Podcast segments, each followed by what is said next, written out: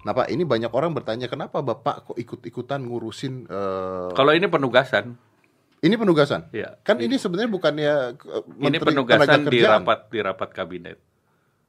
Jadi ini udah ada penugasan di rapat kabinet. Penugasan artinya dari presiden langsung. Ya, tar- namanya penugasan udah ada perpresnya. Udah ada Ya, presiden. Jadi ikut dari peraturan presiden. Nah, tapi masyarakat banyak yang bertanya-tanya, bahkan banyak punya orang yang mengkritik juga, kenapa a- Anda yang ikut-ikutan? Kenapa bukan Menteri Tenaga Kerjaan? Ini kan harusnya tugasnya mereka dan sebagainya. Keput- atas dasar ke- keputusan apa akhirnya Bapak eh, yang dipilih untuk menangani ini? Apakah Bapak yang ter- eh, terbaik untuk menangani ini atau gimana? Ini bukan soal itu. Ini adalah public service, Public di mana service, oke. kita sebagai pejabat publik menerima penugasan dan melaksanakan secara baik. Oke, nggak ribet, Pak. Kan bukan tugas Bapak sebenarnya.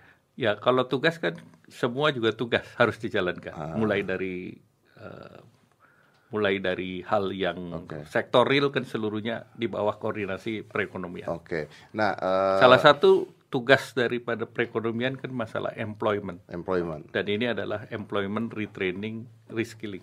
Ya, oke.